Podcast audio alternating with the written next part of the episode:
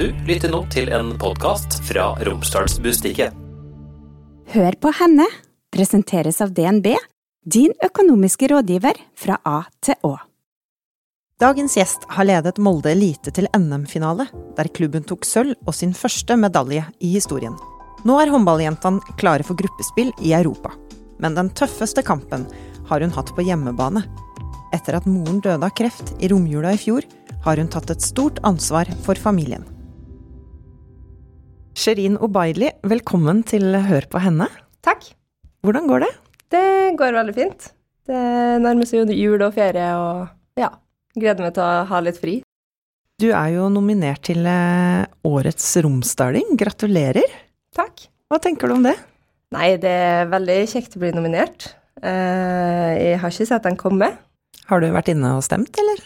Jeg har stemt, og jeg har stemt for Magnus Eikrem, for jeg syns han fortjener det. Eh, Han har vært gjennom veldig mye tøft det, det siste året. Så min stemme gikk til han, ja. Dere har jo tatt klubbens første NM-medalje, sølv, og så skal dere spille gruppespill i Europa rett etter jul. Hvis du skal oppsummere håndballåret, hva vil du si om det? Nei, vi har vært veldig variert. Vi har jo et høyt mål i år, og vi har variert altfor mye i forhold til det målet. Så vi har tapt kamper vi burde ha vunnet, og vunnet kamper vi på en måte har vært litt sånn 50-50 til å vinne. Så det Vi føler vi har mye å gå på. Alt i alt så er vi jo på øvre del og der vi skal ligge, så ja, Og det er fortsatt en del igjen av sesongen. det er det. Sportslig suksess er jo én ting, men den andre delen av begrunnelsen da, for at du er nominert, det er jo at du har tatt et stort ansvar på hjemmebane. Mm. Hvordan kjenner du deg igjen i den begrunnelsen? Eh, nei, altså Hjemmefronten har jo vært eh, tøft i år. Det var det òg i fjor. Jeg føler at eh, det ansvaret kom ganske nat- naturlig for meg. For meg så har ikke jeg tenkt så veldig mye på det, egentlig, annet enn å bidra med det jeg kan. Og hvis vi skal snakke litt om hjemmebanen din, da, så er det jo fem søsken. Og så er det pappa Khalid, og så var det mor eh, Ruth Nanna. Eh, vil du først si litt om hva slags familie dere er? Eh, nei, vi er jo heldigvis en stor familie, da. vi er jo mange barn og masse folk som vi kan støtte oss på. Eh, og vi er veldig close. Det har vi egentlig vært helt siden vi kom til, skulle jeg si. Vi er veldig støttende og veldig Ja, vi er der alltid for hverandre, så vi er veldig close. Er dere en sånn familie som gjør alt sammen? Eh, ikke absolutt alt, men veldig mye. Det er jo særlig dere tre eldste søstrene som er kjent fra håndballbanen, da. Hvilket forhold har dere til hverandre? Nei, vi har jo et veldig godt forhold. Vi har jo backa hverandre i alle år og stått der for hverandre i idretten, da. Og vi har jo sikkert òg blitt close, closere av det. Eh, men eh, nå når Anniken er i Storhamar, så er vi jo litt konkurrenter òg, så det er litt, eh, litt både òg. Og hvordan er det å møte søstera si på det konkurrerende laget? Nei, det er jo veldig spesielt. Jeg tror jeg aldri kommer til å bli vant til det. Sånn som ting er, så er det litt sånn Vi er søstre før og etter kamp, og så når vi er i kampen, så tenker man ikke så mye på det. Da er jo en konkurrent, og så ja, er det greit etterpå. Og hvis du skal prøve å beskrive dere med adjektiv, da. Du og Anniken og Mona. Hvem er hvem, på en måte? Hvis du skal prøve å beskrive dere. Um, Anniken er i hvert fall litt sånn klovn, den morsomme i, som lager litt stemning rundt seg og ja, har altfor mye energi til tider. og så har du Mona som er litt mer rolig og sjenert, men veldig om omsorgsfull. Hvis du har en dårlig dag og du griner, så griner hun med det, liksom. Det, det gjenspeiler Mona veldig godt. Og du, da? Og meg sjøl. Jeg er kanskje en god miks. Litt av begge deler. Litt av begge deler, ja.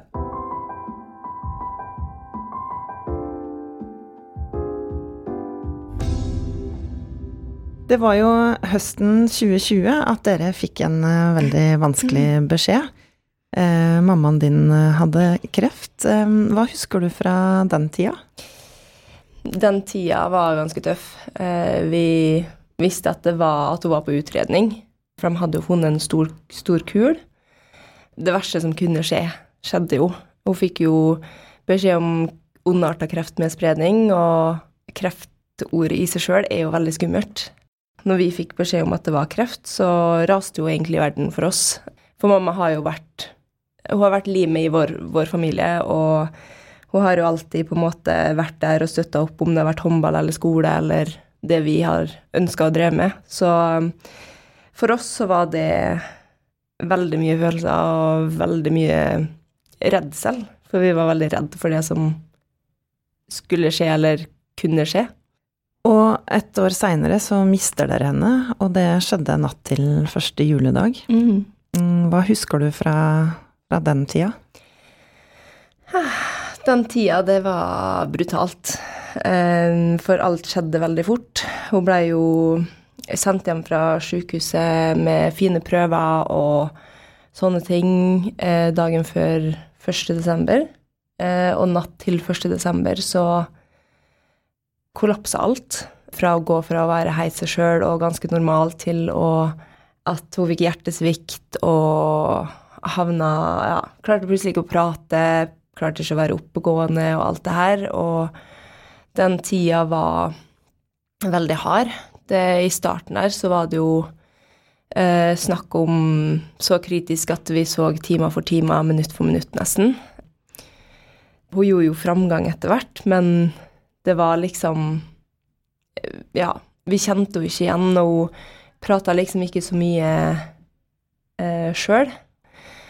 Det var mange timer på sykehus, det var Men så kom hun seg jo, og hun ble jo bedre og bedre, og vi fikk jo mer og mer troa på at det her skulle gå veien. Hun har jo alltid vært veldig, veldig flink på det å si at ja, men det er bare en hump i veien, og få oss å virkelig tro på at det skulle gå bra.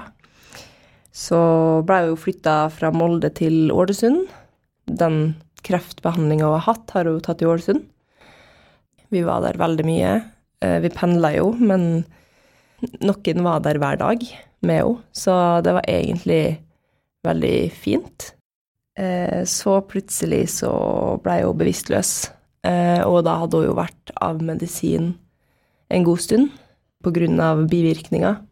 Ja, når hun da kollapsa igjen, eller ble bevisstløs igjen i Ålesund, så hadde kreften spredd seg og eskalert, da. Så den, det var liksom ikke noe liv å redde der.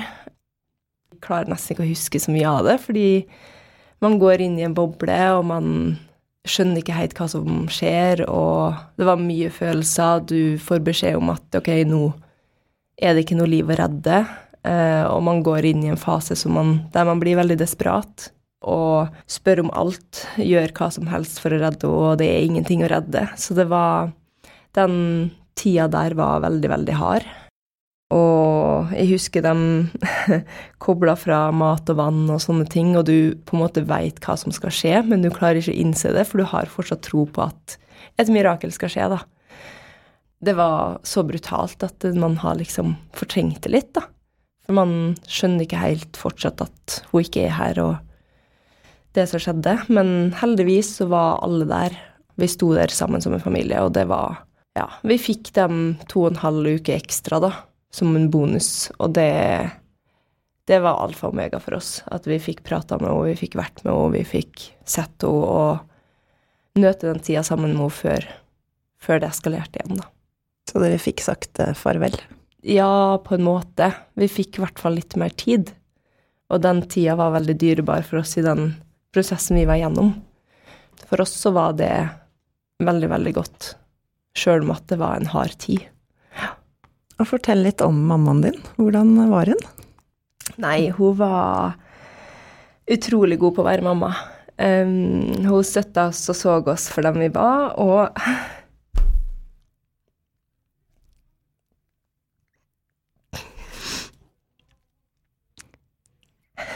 Går det greit? ja, Ja, det er bare så mye følelser rundt det. ja det Um, skjønner jeg veldig godt. Hun var veldig, veldig støttende, og hun var den som på en måte alltid var der, da. Uansett hva det skulle være. Så um, var hun den som på en måte holdt oss sammen og reiste rundt og så på oss, og vi kom hjem og fikk alltid en klem, og hun var liksom den som ja, man alltid kunne gå til.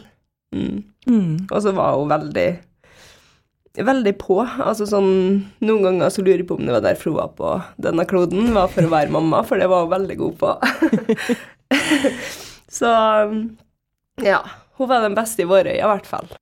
Og hvordan eh, tror du det blir nå? Nå er det snart eh, gått et år, Mm. og det er jul, og ja, følelser kommer jo ofte fram og blir forsterka. Hvordan, eh, hvordan blir denne jula, tror du? Nei, det er jo spesielt, da. Det har jo vært spesielt hele år, for det har vært sånn første gang for alt på nytt, uten henne. Um, så det har vært mange barrierer å bryte, og det er jo det samme med jul. Um, jula var jo hennes høytid. Hun elska jo jul, for da kunne vi være samla, og hun var veldig, veldig glad i jula, for da kom alle hjem, og vi hadde mye tid sammen. Um, så det blir veldig spesielt, og det er jo en tid vi gruer oss til som vi på en måte må komme oss litt igjennom. Men eh, vi skal jo prøve å gjøre den så fin som mulig for hennes del og for vår egen del. Så um, godt å være i lag, men samtidig så er det jo en vond tid. Og hvordan eh, vil dere minnes og hedres henne? Altså, hadde hun noen tradisjoner eller ting som på en måte må være sånn for at det skal bli jul? Ja, vi kommer jo til å holde på alt vi har holdt, holdt på i alle år. Så eh, vi kommer jo til å tenke på henne når vi sitter her med middagsbordet og ja, alle disse her tinga som hun på en måte har tatt med inn som en tradisjon for oss, kommer vi til å holde på. Så det blir litt sånn ja, vår måte å ha henne der i tankene, da. Mm. Og dere skal være sammen, alle sammen? Vi er alltid sammen, så Ja. ja. Kan du si litt om hvordan mm, sorgen har vært for deg? Altså, hvordan, har det, hvordan går det an å beskrive hvordan det kjennes ut? Sorgen Det starta jo egentlig med at jeg hadde veldig mye å gjøre på det praktiske i forhold til familien. For jeg ga på en måte dem familien tid til å sørge mens jeg ordna alt det praktiske rundt. Så jeg fikk liksom ikke sørga så mye i starten. Var det Eh. godt å ha litt sånn praktiske, konkrete ting å drive med? Ja, litt både òg. Det jeg på en måte syntes var godt med det, var jo at jeg klarte å koble det litt ut. Eh, For jeg var så fokusert på å få ting opp og gå for familien. Det som var vondt i det, var jo at jeg fikk den tøffeste perioden om sommeren. eh, Når vi hadde ferie fra håndballen og jeg plutselig ikke hadde så mye i hverdagen å holde fast i. Ferie fra skolen, og så var det ferie fra håndballen, og så plutselig blir du sittende hjemme, og da har du plutselig mye tid til å tenke, da. Jeg har jo hatt min periode med sorg i også, og det har jo vært Det er jo noe man må gjennom. Noe av det jeg lærte i den sorgprosessen, er jo det å være flinkere kanskje til å prate om det. For jeg blei jo veldig sånn Satt meg sjøl bakerst og ja, eh, mista meg sjøl litt kanskje i prosessen, da. I og med at jeg ikke fikk sørge ferdig eller sørge nok, og ikke ville prate så mye om det, og være der mer for familien enn meg sjøl. Så det er jo kanskje noe av det jeg har lært i den prosessen, er jo det å kanskje tørre å være litt mer ærlig om det og snakke om det, og sjøl om at det er sårt og tungt, så er det kanskje Det letter kanskje ti kilo den dagen, da. Og hvordan ville du bli møtt, altså rett etterpå? Ville du at folk skulle gi deg en klem og, og spørre hvordan det går, eller ville du helst at folk ikke skulle snakke om det? Eh, det var litt blanda, egentlig. På håndballen så syns jeg egentlig det var godt å komme dit, og at det ikke var et tema. Jeg syntes det var godt å komme dit og få en klapp på skuldra, og så var det nok. Mens når jeg var med Møtte på folk jeg kjente ellers, så var det godt med en klem, og det var godt å få meldinger og kjenne på det at folk brydde seg. Så det var litt sånn blanda, egentlig. Men på håndballbanen så var det sånn Det blei jo en trygg arena etter hvert. Men eh, i starten her så var jeg veldig sånn følsom. Så når jeg kom dit, så ville jeg helst ikke ha den klemmen, for da visste jeg at da kom alt av følelser igjen. Og jeg ville liksom ikke ha det som et tema da når jeg var der, for det var det som blei på en måte mitt fristed, da. Hvor lenge varer en sorg? Eh, jeg er ikke ferdig med det ennå. Jeg tror det kommer til å vare livet ut, for jeg kommer alltid til å savne henne, og jeg kommer til å ha perioder som er tyngre enn andre, f.eks. jula, da. Eh, og jeg tror at det alltid kommer til å ligge der. Man takler det mer og mer på en god måte, da. Selv om at året i år har vært veldig opp og ned, da. For vår sin del så har det jo vært dager som har vært fine òg. Og de dagene blir det jo mer og mer av etter hvert. Hva tenker du at du har med deg fra mammaen din?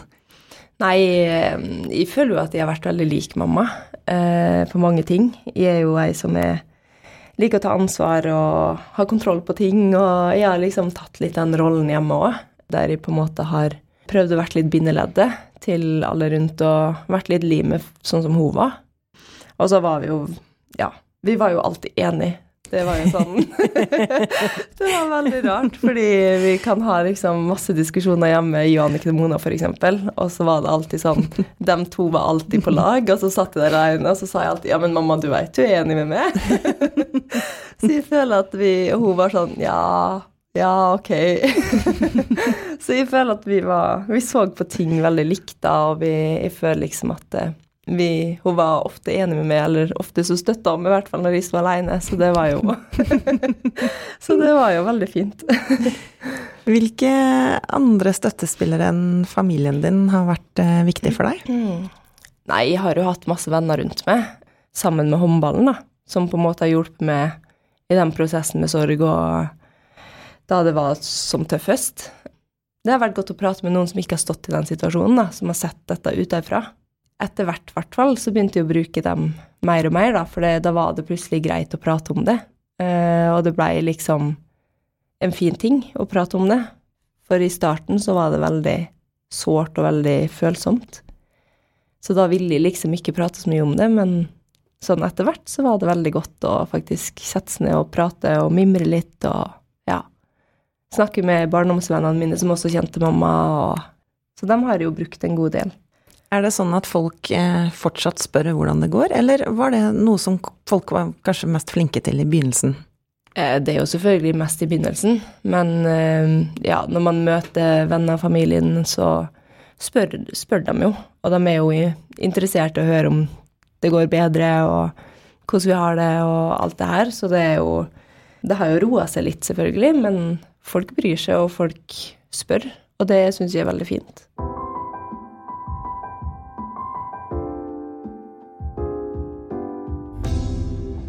Dere har jo vokst opp i Molde, men um, pappaen din han er fra et annet land, mm. og det er Bahrain. Mm. Hvordan var det moren og faren din møttes? Eh, de møttes i London, faktisk. Eh, mamma studerte i London, og så var pappa der på besøk med en kompis. Så møttes de der. Så utvikla det seg, og ja. Så det var litt sånn helt tilfeldig, egentlig. Har du bodd i Bahrain noen gang? Jeg bodde der mine to første år. Så jeg er født i Molde, da, og så dro vi til Bahrain, og så bodde jeg der de to første åra mine. Og hva, hva veit du om eh, ditt andre land, skulle jeg til å si? Nei, vi har jo vært der på ferie, da. Og vi har jo stor slekt. Pappa har jo ni søsken der nede. Det er lenge siden jeg har vært der nå. Eh, på grunn av det har liksom, liksom aldri passa med håndballen, og når vi har hatt ferie, så har ikke pappa hatt ferie, og Så vi håper jo at vi skal få kommet oss ned dit snart. Eh, men vi har jo kontakt med dem over FaceTime og Facebook, og det er jo så mange måter man kan ha kontakt med folk nå. Og hvordan er det å være turist eh, på en måte som dere jo blir da, i Bahrain? Altså hva slags type land er det dette her? Nei, det er jo et muslimsk land. Det er ikke så strengt som Qatar eh, og Saudi-Arabia og sånn, men det er jo et strengt land, og man skal jo på en måte gå inn i den kulturen som man gjør i alle andre kulturer i land man besøker, så jeg har jo ikke vært der på mange år, vet du, så jeg veit ikke helt hvordan det egentlig er lenger. Men uh, sist jeg var der, da var jeg jo i, da gikk jeg i 7. klasse på barneskolen. Og da husker jeg at vi liksom måtte Vi kunne ikke ha singlet på oss og sånne ting da, og vise hud og sånn. Det er jo en del av deres kultur. Jeg tror det er litt annerledes der nå enn det det var. Så jeg gleder meg jo egentlig til å komme ned dit igjen og se hvordan det har blitt, og møte familie og ja. Har du med deg noen skikker eller tradisjoner eller noe fra Bahrain eh, i hverdagen? Eh, ikke så mye i hverdagen, men vi har jo Pappa lager jo veldig mye utenlandsk mat, eller mat derifra. Så det er jo det vi på en måte opplever mest derifra. Hei, jeg heter Kine og jobber på næringslivsavdelinga i DNB Molde. Vi har hjulpet mange bedrifter å lykkes. Uansett hvor du er på din gründerreise, gir vi deg verdifulle råd på veien. Vi i DNB Molde vil være tilgjengelig for det når du har behov for økonomiske råd fra A til Å. Gå inn på dnb.no for å avtale et rådgivningsmøte med oss. Du spilte jo da fotball før håndballen. Hva gjorde at det var håndballen som du satsa på? Jeg spilte fotball fram til var det året jeg fylte 13. Eh, og da ble det jo plutselig litt, litt seriøst. og så hadde jeg mange venninner som, eh, spilte håndball. Så jeg følte at eh, det var noe jeg ville prøve, og så hadde jeg ei tante som pusha veldig på det. Hun spilte håndball, og onkelen min spilte håndball. Jeg følte at jeg ville prøve noe nytt da, når det begynte å bli så seriøst på fotballen. Så da ble jeg med på noen treninger, og så syntes jeg egentlig det var gøyere enn fotball, da. For det skjedde mer, og mer mål, og ja. Så da blei det det som jeg endte på, da. Hva er det som gjør håndball til ditt livs eh, sport, på en måte? Altså et sted som du har lyst til å tilbringe så mye tid og trene så mye for? Nei, det er jo fellesskapet, da. Du kan kalle det litt sånn garderobekulturen, eh, og folka du blir kjent med. Og så er jeg veldig sånn glad i at man har en plass man skal være til enhver tid, da. Jeg trives veldig godt med håndballen, med det sosiale, med det å stå litt i krigen og få litt frustrasjon og ja, det er mange, mange ting da som jeg syns er veldig positivt med håndball. Og så er det, lurer jeg på, når du går ut på bana, er det et fristed for deg? Et sted som du ikke tenker på noe annet? Ja. Det er jo, det er jo en plass jeg på en måte føler jeg kan koble av i, og det er jo det jeg har brukt mye i den sorgprosessen og etter mamma. Det er godt å komme inn i hallen, jeg føler det er godt å trene med alle andre på laget, og ja, det har på en måte blitt et veldig trygt sted. I starten så var det jo litt sånn en fasade som skulle på, fordi at du skulle liksom dit og prestere. Men eh, nå så føler jeg at det er der jeg slapper av, det er der jeg liksom kan ta ut litt frustrasjon, og det er der jeg liksom føler jeg hører til, da. Er du takknemlig for å ha funnet en sånn eh, arena i eh, livet? Ja, absolutt. Det er jo en arena jeg trives veldig godt på, og det er jo en arena jeg har delt også med familien. Så det er jo klart at den arenaen der har betydd mye for meg opp igjennom også, ikke bare nå når vi har gått gjennom det vi har gått gjennom. Og hva vil du si er eh, høydepunktet i karrieren din? Det er vanskelig. Med Molde så er det i hvert fall eh, NM-finalen. For det var jo første gang vi var der. Men så må jeg jo trekke frem bronsen i ungdoms-EM på juniorlandslag. Og hvor gammel var du da? Da var jeg vel 16, tror jeg. Så det er jo mange år siden, men eh, det var en veldig, veldig morsom opplevelse, da. Og du var jo innom landslaget tidlig. Mm. Eh, hva gjorde at det ikke ble mer landslagsspill? Nei, jeg var jo mye skada, eh, og belastninga var veldig høy. Jeg var mye Jeg var med ganske lenge før jeg ble skada. To korsbånd. Og så kom jeg tilbake, og så brakk ryggen. Au. Det har, hørtes forferdelig vondt ut. Ja, så jeg har liksom hatt mine skader, og var Det var mye som svirra rundt etter det, da. Frykta du da at du ikke skulle kunne komme tilbake? Ja, jeg var jo Jeg fikk jo vite på sykehuset i Sverige, jeg, for jeg var der og spilte landskamp på en sånn treningsturnering. Eh, og jeg fikk vite at eh, hvis jeg ikke hadde tippet Lotto, så burde jeg ikke gjøre det, for jeg har brukt opp flaksen min. Oh. Så, så, det var mange tanker det var som slo meg. Altså sånn Det er så lite som skal til før det går galt. Og da vurderte jeg jo også å legge opp. Men så tenkte jeg at eh, jeg brant veldig for håndballen, og jeg jobba meg tilbake etter den skaden. Og var det i kamp? Det var i kamp, ja. Korsbånd, det kan man kanskje se for seg, og det har man jo sett en del ganger. Men, men det med å brekke ryggen, hvordan, hvordan, går det an? Nei, da var jo eh, og jeg kom i ganske stor fart i kontra, og så kom de bak meg som dytta meg. Og så kom de foran meg som dytta meg tilbake, så jeg fikk en sånn ah. knekk på ryggen. Så fant de et brudd da, på sykehuset i Sverige. Det, var, det har vært mye, mye skader og lange avbrekk, så da fikk jeg liksom f.eks. ikke med meg siste mesterskap i VM med det landslaget, med juniorlandslaget, når jeg var 20, på grunn av ryggen. Det var jo rett før det mesterskapet. Så ja, har jeg egentlig bare lagt det litt på hylla og prøvd å fokusere på å prestere i klubb. Og så hvis den sjansen byr seg, selvfølgelig er jo det en bonus, men eh, akkurat nå så er liksom fokus å gjøre det best mulig i Molde, og det er der alt av min tid og energi går, så får vi se. For nå er du skadefri, korsbånd i orden, og ryggen fungerer akkurat som den skal. Ja. Så det, det, er veldig deilig å kjenne på at man kan fungere, og det er faktisk Du slipper å ha så mye vondt av, Så nå er liksom håndballen gøy, da. og du har nådd en formtopp? ja, i en alder av 30. si litt om eh, hvor mye det har kosta deg av innsats å komme dit du er i dag? Eh, nei, altså man har jo måttet ofre opp igjennom. Der mange venninner med kanskje dro ut på fest og gjorde andre ting, og var seint oppe og sånne ting, så måtte vi prioritere trening og kamper og sove og restitusjon og alt, alle disse tingene her, da. Man har jo på en måte måttet ofre, men samtidig så har det ikke følt det sånn, for det har jo vært håndball jeg på en måte har brent for. Så man kan si at man har ofra de tinga, de sosiale tinga på utsida av banen, da, men eh, jeg føler liksom at det har vært verdt det. Ut ifra min utvikling og ut ifra det jeg har fått opplevd med håndballen. Og hvor mye trener du egentlig i sesong? I sesong, så nå har det jo blitt litt endring i år i forhold til fjor, men vi har jo, vi har jo håndball mandag til fredag i hvert fall. Hvis vi ikke har kamp søndag, da har vi også håndball lørdag. Og så har vi jo styrke fire ganger i uka, så vi har fire dager i uka der vi trener dobbelt, da. Du har jo fortalt tidligere om når du Du har jo jobb ved siden av, ikke sant? Mm. Eller studier. Studie. Nå er det studier. Mm. Men når du hadde jobb, så måtte du faktisk trene på morgenen før jobb. Ja. Og hvor tidlig var du på'n da? Ehm, Da var jo Da var jeg jo egentlig på trening rundt ja, kvart over fire-halv fem om morgenen. Fordi jeg jobba jo eh, på Kleive, så jeg pendla jo. Så da var det liksom to timer styrkeøkt fra kvart over fire-halv fem-tida, og så var det jobb fra åtte til to, og så var det rett på håndballtrening derifra. Så det gjorde jo ett og et halvt år eller noe. Er du A-menneske? Eh, nei.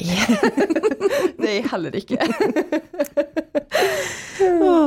Og som profesjonell håndballspiller, altså får man, Hvor mye får man i lønn? Kan man leve av dette her? Det kommer an på hva du mener med å leve av det. Altså sånn, I Molde er vi jo heldige, da, for vi har jo faktisk en ok lønn. Eh, men det er jo ingenting i forhold til det fotballen får, f.eks., eller sånne ting. Så mange har jo måttet ha jobba utenom, eller studert, eller ja, fått en annen inntekt i tillegg, da.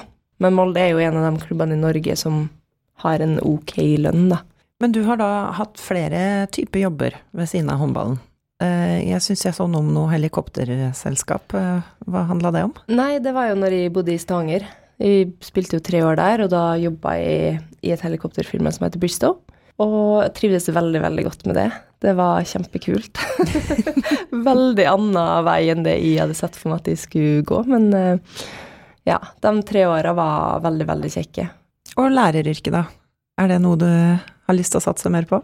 Nja, jeg veit ikke helt. jeg får se. Jeg har liksom ikke så tenkt så mye på det, egentlig. Nå går jeg jo sportsmanagement på høyskolen, og så har jeg jo en sånn type eh, jobb i klubben. Hva jobber du med i klubben? Eh, Markedsavdelinga. Aha, Mhm. så det er du som promoterer kamper, for eksempel, eller? eh, nei, jeg har jobba en del med sponsorer. Det har vært en avtale der jeg har jobba litt i sommer nå, og så eh, skal jeg fortsette å jobbe med det når jeg er ferdig å studere, da. Så i sommer var jeg litt sånn derre Teste ut og se hva dette var, og Men jeg trivdes veldig godt med det. Og kapteinrollen, da? Hvordan trives du i den? Den trives jeg veldig godt i. Eh, Det er kjekt å ha en viktig rolle i et lag. Eh, Og jeg er jo veldig glad i å ta et ansvar og ta vare på de folka jeg har rundt meg, så jeg er veldig glad for å ha fått den tilliten av Tor Oddvar, som er en så bra trener. Hva er den viktigste jobben din som kaptein? Den viktigste rollen er vel egentlig å passe på at de på laget mitt eh, har det fint, eh, og det å støtte opp under hvis det går dårlig, og gå foran, kanskje. Og jeg er jo en sånn type person som liker å gå foran og ta i et tak hvis ting ikke fungerer, så jeg trives veldig godt med det. Blir det noe juleferie på deg, eller er det nå full oppkjøring mot eh, Europa? Eh, Det er jo oppkjøring mot Europa. Vi får vel fem-seks dager ferie, juleferie. Og så er det jo Europaligakamp rett etter jul, som vi må være klar for. Det blir ikke så lang ferie, men eh, det skal bli godt med de dagene. Fri. Hva tenker du om den eh, gruppa dere har eh, havna i? Kan dere hevde dere der? ja, altså vi møter jo tre gode lag, og to av lagene har vi jo ikke møtt før. Siofox spilte vi mot i sommer, treningskamp i Ungarn. Så um, jeg tror at det er store sjanser i den, den gruppa. Vi møter jo et Dortmund som er et veldig bra lag, men tar vi dem to andre, så er vi jo videre. Så jeg ser at det er kun muligheter i den gruppa til å kunne komme seg videre. Og første kampen på hjemmebane, den går hvilken dato? 7. januar. Mot Dortmund hjemme. Den blir veldig spennende. Jeg gleder meg masse, for det er masse landslagsspillere, og Det er et storlag som kommer hit til lille Molde by. Jeg gleder meg til å kunne kjenne på det nivået og faktisk spille mot andre lag i norske lag. Så jeg tror det blir kjempegøy og spennende. Og jeg håper jo at det blir fullt trøkk i hallen også. Hvor viktig er det at uh, du kjenner at liksom publikum er til stede og heier dere fram? Nei, det gir jo mye energi til oss å spille. Så det har alt å si. Og du selv, da? Har du noen spesielle rutiner eller ting du må gjøre før kamp eller kampdag? Jeg har mine rutiner, men, men man blir litt opphengt i dem òg. det blir litt sånn ja, hvis de ikke har gjort det, hva skjer da? Vil du si litt om hva slags eh, rutiner det er du må, du må gjennom? Nei, jeg pleier jo å stå opp og spise havregrøt, da. Og så sitter jeg og slapper litt av på sofaen, og så går jeg med en litt lengre tur med hunden min Teddy. Og så kommer jeg hjem, og så pakker bagen. Og så ser jeg litt på klipp når det begynner å nærme seg oppmøte. Og så kommer jeg i hallen, og så er det litt sånn Ja, så går man jo tur der. Og så er det litt sånn ta på høyre sko før venstre sko. Litt sånn Oi, rare? Ja. Litt sånn rare ting. Men eh, ja, det er det som bare har blitt en vane for meg, så Er det flere rare ting enn uh, høyre sko før venstre? Ja, jeg knyter alltid skolissene tre ganger. Men det kan jo være veldig greit i forhold til å ikke snuble i dem. Ja, det er mange måter å gjøre det på, men for meg så er det tre ganger på høyre, tre ganger på venstre, og så Men det er ikke så veldig mye annet enn det, egentlig. Har du noe spesielt som gjør at du har med deg mammaen din når du skal spille kapp? Ja, jeg har faktisk det. Jeg har en M med et hjerte på skoa mi. Eh, og det er litt sånn For da vet jeg at hun alltid er der. Det har jo vært veldig sånn rart, og hun har jo alltid pleid å komme tidlig i hallen, og det er hun man ser på før man begynner å varme opp og sånne ting, da. Så det er jo veldig, veldig merkelig fortsatt. Så jeg pleier faktisk å være i hallen en halvtime før oppmøtet for å bare sitte i hallen og se der hun pleier å sitte, og ja, forberede meg litt, da. Er det noen du kan se opp på på tribunen nå, når hun ikke er der? Ja, jeg har jo resten av familien der, som òg betyr mye. De er jo ja, veldig ivrige, dem òg. så jeg har jo både mormor og, og, tante og pappa og Josefine og bror min og ja, det er mange rundt, da, som på en måte man kan rette litt blikket for og vinke til, og ja, som bare godt er der. Du skal spille i Molde i hvert fall to år til. Du har jo skrevet mm. kontrakt. Mm. Ser du for deg at du blir i Molde resten av karrieren? Eh, akkurat nå så er fokus i Molde. Jeg har jo hatt tilbud tidligere om å gå til utlandet, men jeg har liksom ikke følt at det har vært riktig.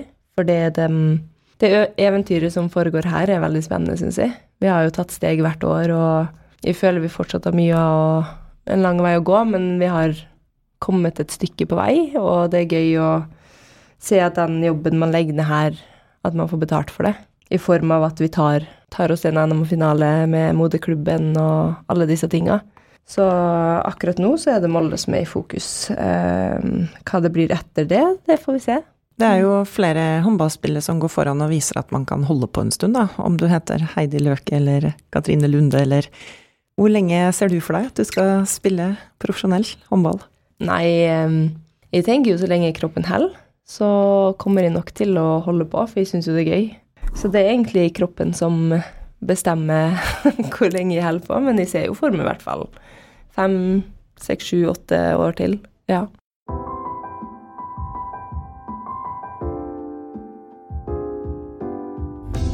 Da lurer jeg på, hva har livet lært deg som uh, du har lyst til å gi videre til andre? Kanskje det å nyte, nyte de fine øyeblikkene man får. Kanskje ta litt dag for dag og tenke at man Jeg har i hvert fall etter det med mamma, så har jeg tenkt sånn Ja, men jeg skal leve i dag som om at jeg ikke får i morgen. Og det er litt sånn Jeg prøver å leve et godt liv sjøl om at jeg har det travelt, eller jeg har en dårlig dag, eller Det å faktisk ta vare på dem rundt seg og nyte hvert øyeblikk man får av de fine tinga, syns jeg er viktig. Har du en eh, kvinne i livet ditt som du ser opp til? Det er mamma. Sjøl om at hun ikke er her, så er det hun som er forbildet mitt. Og det er litt sånn, blir de halvparten så god som hun, så blir de et uh, godt menneske. Så uh, ja, det er hun jeg ser opp til. Mm. Sherin Obaili, tusen takk for at du var gjest i Hør på henne. Takk for meg. Hør på henne er laget av Romsdals Bustikke. Produsenter er Stian Viken og Hanne Fleischer. Mitt navn er Vera Henriksen. Har du ris, ros eller innspill til gjester? Send meg en e-post på hennealfakrøll-r-b.no. Følg oss også gjerne på Instagram, så håper jeg vi høres snart. Hør på henne presenteres av DNB, din økonomiske rådgiver fra A til Å.